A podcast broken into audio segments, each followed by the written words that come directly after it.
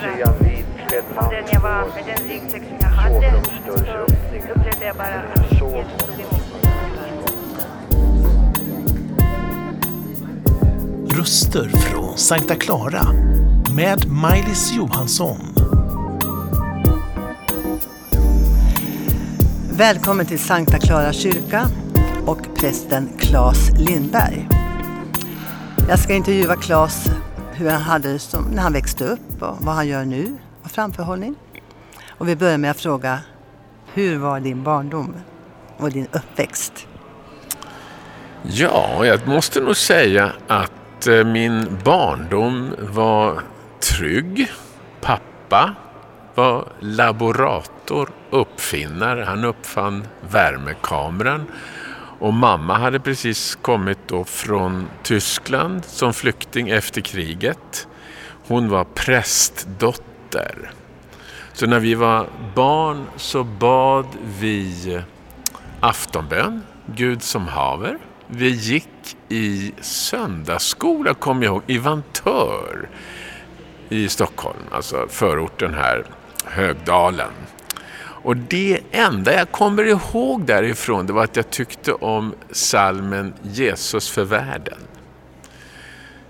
Vi flyttade sen och jag gick eh, på, var med på ett konfirmationsläger uppe i Sälen. Jag hade en konfirmationspräst som hette Lars Lindström som var väldigt innerlig och jag tror att jag och min bästa vän tog ganska stora intryck. Han var faktiskt beredd att betala 15 000 för att bli av med arvsynden. Ja, det visar i alla fall att han hade förstått att det här med synd, det var inget bra. Sen eh, när jag blev 16 flyttade jag hemifrån och började gå på internat i Uppsala som heter Fjällstedtska skolan. Det var alltså tidigare en möjlighet för fattiga bondpojkar framförallt ifrån Norrland som hade begåvning och som hade kallelse att bli präster att utbilda sig. Så jag bytte från naturvetenskaplig linje, jag fick lära in latinet på två veckor och sen blev det latin, grekiska och hebreiska plus alla andra språk så det var en stor förändring. Jag Trivdes fantastiskt bra. Men jag sa till rektorn, jag kommer inte bli präst. Det är lika bra att vara ärlig. Möjligen psykolog, sa jag. Och jag kom väl mer och mer ifrån Gud på denna skola. Men jag kom ju närmare både mig själv och mina vänner. Vi hade fruktansvärt stark och kul gemenskap. Och väldigt många som hade haft det lite tufft på olika ställen blommade ut där. De kristna däremot var ju riktigt kufiska typer. Det var obligatoriska morgonsamlingar och då lärde man sig att hitta de högsta sätena. Man kunde gömma sig bakom och läsa på läxorna istället för att behöva lyssna på dessa tradiga utläggningar. De enda som det var lite krydda på var Frälsningsarmén. De kom med tamburiner och viftade, tjejerna dansade lite grann. Det tyckte vi var kul. Resten har gått helt spårlöst förbi. Och när jag träffade de här, såg hur de kristna umgicks. De hade ju små kafferep och satt som tanter och med lillfingret upp och titulerade varandra biskopen och prosten. Då kände man att det där är inte min stil alltså. Och en kille till och med satt och stickade raggsockor. Då kände jag, kristen det blir jag aldrig. Möjligen på dödsbädden. Så jag var nog ganska hednisk, höll jag på att säga. Men det var som likgiltigt snarare, den kristna tron. Till dess att en av värstingarna på skolan, han som hade gått längst och tänkt på alla gränser, han blev faktiskt präst senare här i Sankta Clara kyrka. Han hade haft en överdos eh, av LSD och eh, hamnade på det psykiska sjukhuset i Uppsala som heter Ulleråker eh, med en dålig diagnos. Och alla är ju liksom chockade. Vad är det som har hänt? Men då är det några före detta narkomaner som besöker honom. De tillhörde Pingstkyrkan i Uppsala. Eh, och de berättar evangeliet för honom och det har han ju hört när han var yngre. Men han tänker tanken, vad har jag att förlora på att bli en kristen? Och undret sker. han inte bara blir kristen utan han blir faktiskt helad ifrån de här skadorna som överdosen hade skapat. Så han kan fungera. Kommer ut och efter en tid så tänker han på oss, de gamla vännerna. Han eh, vill absolut berätta för oss vad som har hänt och lyckas få till stånd en lördagkväll. Eh, för vi brukade träffas då varje lördag, lite organiserat. Vi såg någon film ibland eller fikade och sådär. Och nu kommer han med en grupp och berättar vad som har hänt. Och den kärlek som de hade, den var så stark. Det var en ganska spretig grupp. En var bonde från Småland och några hade varit narkomaner. Och en hade varit vilding på en skola, en hade varit marxist. Men när de berättar om en Gud som var närvarande i nuet, om en kärlek där Gud till och med hade gett sitt liv på korset för hela mänskligheten. Då kände jag den kvällen, jag var helt omtumlad och sa till mig själv, det de har, det måste jag ha. Ehm, så kom de tillbaka, tack och lov, två, månader, två veckor senare. Och vi var ju som övermogna päron. Vi orkade ju inte höra någon hel predikan utan vi avbröt dem. Vi har hört det här, eh, kan vi också bli kristna? Ja, sa de. Hur gör man då? Jag gick ner på knä för säkerhets skull. Ja, sa han, det behövs inte. Men be Jesus komma in i ditt hjärta och säg att du är ledsen för allt som har gått snett och är fel i ditt liv och be att han blir Herre i ditt liv. Okej, okay. inget mer? Ja, men då gör vi det. Och jag kommer ihåg den kvällen att det var en sån eh, stark gudsnärvaro. Det var som en våg på hela skolan. Eh, det var inte så att man kände speciellt när vi hade bett, men det blev ju förändringar på skolan.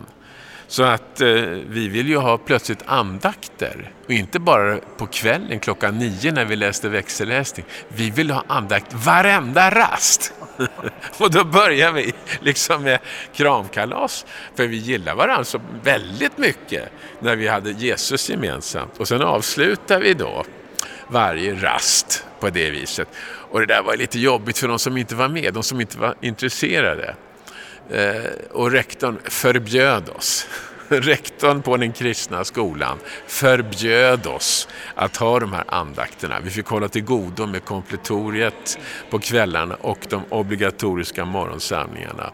Så vi fick lite grann förföljelse redan med modersmjölken. Det kanske var nyttigt. Samtidigt så var det lite patetiskt att eh, denna skola hade till syfte att få fram präster i Svenska kyrkan framför allt. Och det var säkert en massa äldre damer, för det är ofta de som ber, som hade bett för den här skolan. Och bristen på präster var stor och skolan hade inte lyckats leverera särskilt bra. Nu plötsligt så var det en stor grupp som kunde tänka sig det. Men då blev vi motarbetare av skolans ledning. och så är det väl alltid. Att eh, när det handlar om den här, eh, vad ska vi kalla det för, mer radikala efterföljelsen, kärleken till Jesus, så stöter det alltid på etablissemanget. Det var något nyttigt för oss. Vi blev liksom härdade. För hela livet sen har det ju handlat om att man har velat följa sin övertygelse i en omvärld som inte alltid förstår. Det står ju i Bibeln att det här är en dårskap för den som inte tar emot det, men kraft i frälsning för den som, som säger ja i sitt hjärta.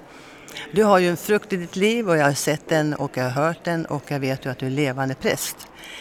Om man säger prästerskapet i dig, prästen Klas som blev vigd och började predika och gick ut och gjorde det du blev tillsagd av Herren. Vad har varit det roligaste när, efter det här steget som du tog? Vad, vad har varit roligast? Det, kamp är det ju alltid. Men vad har varit det som har varit, ja, som har gett dig mycket och som du känner att det här vill jag göra och det här vill jag fortsätta med? Tala om vad som är ditt absoluta hjärta och din dröm som du säkert har haft. Har den uppfyllts? Ja, jag börjar med att svara på vad jag tycker är absolut mest tillfredsställande och det som ger mig störst glädje. Det vill jag nog säga, det är när tron delas med andra som vill ta emot den.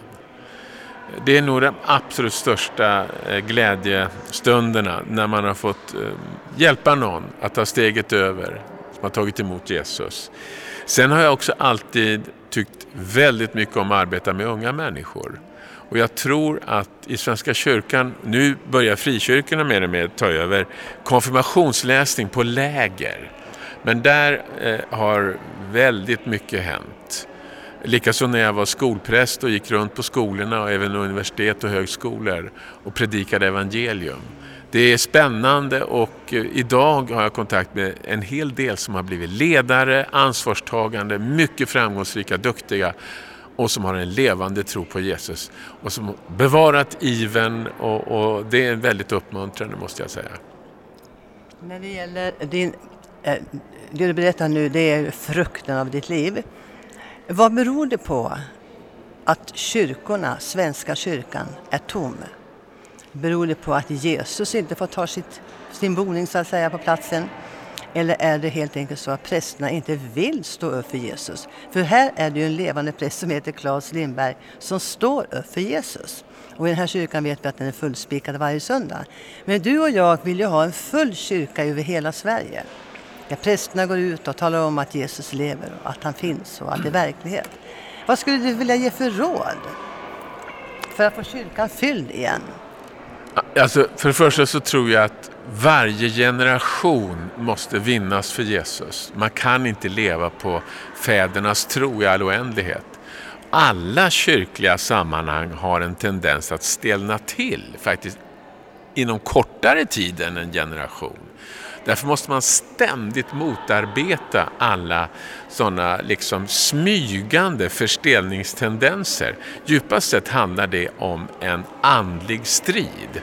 Det är inte för inte som Jesus säger till lärjungarna, ni har fått makt att trampa på ormar och skorpioner. Vad är det som utmärker? Ja, orm, det har vi anakonda och pyton, de kväver sina offer. Andra, som kobran, skjuter in gift för att döda. Och skorpioner kan också, man kan bli förlamad av det här giftet. Alltså. Så jag tror att ut äh, att, att man kramas ur musten, äh, själva substansen i budskapet. Att man blir förlamad eller förgiftad av en massa läror och tankar och tidsrörelser eh, eller vad man ska kalla det för. Eh, det gör att man förlorar kontakten med det som är kyrkans innersta budskap. Det är inte bara ett budskap utan också en relation med Jesus Kristus den uppståndne. Det måste ständigt bevaras och bevakas och skyddas. Och när kyrkan då av olika anledningar ägnar sig åt annat och vi ska ha klart för oss att eh, kyrkan i Sverige har ju blivit väldigt politiserad. Det var en reform på 30-talet där man istället för att kyrkostämman fick avgöra vilka som skulle leda eh, församlingarna så lät man de politiska partierna, det är ganska världsunikt, ha någonting att säga till om kyrkan. Och det hade ju med statskyrkan att göra, plus att man inte tyckte att det alltid fungerade med kyrkostämma. Folk var för lite utbildade och så vidare. Men det är ett märkligt sätt. Nu har vi ännu inte lämnat det. Vi har haft möjligheter, vi skulle kunna ha haft de som är mer engagerade i kyrkan som själva får leda och styra. Men å andra sidan så löper ju Svenska kyrkan risken att bli av med sitt oerhört förmånliga avtal med skatterna eller kyrkoavgifterna som dras in via skattsedeln. Personligen så tror jag att bästa sättet att ta död på en kyrka är att pumpa in pengar. Ja, och jag brukar säga också ett annat effektivt sätt är om man säger Gud istället för Jesus. Jag faktiskt frågade en präst för en tid sedan. Varför sa du inte Jesus? För du skulle ju vara där på platsen i förkunnelsen. Ja, jag vågade inte säga det helt enkelt. På grund av olika anledningar. Jag anser ju, och det gör väl du som är intervjuad här, att det finns ingen annan väg till himlen än Jesus. Och det har ju du verkligen berättat här. Och få uppleva det här i din ungdom, det är så roligt att få höra det. I ungdomen och att du har hållit hela livet. Har du haft någon dröm och har den blivit uppfylld? Ja, ibland har ju folk sådana orealistiska drömmar och ibland tycker jag det är nästan ointressant att höra om folks drömmar. Eh, det är viktigare vad som faktiskt sker. Men en sak kan jag nog ärligt säga att den kärleken som jag mötte när jag förstod att det bästa, viktigaste beslutet jag kunde fatta det var att säga ja till, till Jesus. Eh, det har gjort att jag har haft en, en, vad ska vi säga, en längtan efter att få uppleva den kärleken. Och jag har fått göra det droppvis. Jag har faktiskt till och med varit över andra sidan Atlanten i USA, i Sydafrika och fått möta det. En församling i Litauen fick jag känna det starkt. Men det underbara är att i Evangeliska brödraförsamlingen som jag arbetar nu i, så kommer det gång på gång en oerhörd värme och kärlek som vi kan få känna gentemot varandra. Och då tänker jag, man behöver inte gå över halva jordklotet för att få vara med om det som är kärnan i Guds rike. Med dina grannar, med dina vänner kan du få dela en gemenskap runt Jesus och det han har gjort som är värt mer än allt guld i Småland. Amen. Amen. Har du ett sista bibelord som är ditt absoluta favoritbibelord så får du ta det nu. Jag hade behövt lite förberedelse. Eh, men jag vill nog ändå säga att eh, den här tryggheten som jag kan ha som kristen Eh, det, det är väldigt värdefullt. Inget ont ska drabba dig, står det i Saltaren 91, vers 20. Om jag följer Gud, jag ska inte dö utan leva och berätta om hans väldiga gärningar. Det bibelordet har burit mig. Jag var väldigt nära döden vid några tillfällen. Så jag har kommit ut och klarat krockar och allt möjligt helskinnad. Och då är det här ordet bara liksom lyfts fram ur mitt inre. Jag ska inte dö. Jag ska leva och jag ska berätta om Guds väldiga gärningar. Tack älskade Claes Lindberg för din fantastiska berättelse. Och det är inte förutom att alla säger ja det är bara Jesus och det är det som är namnet som är över alla namn. Tack och Guds frid önskar jag dig. Har denna berättelse berört dig på något sätt? Eller kanske vill du att vi ber för dig? Kontakta oss på info snabel-a sverigeskristnaradio.se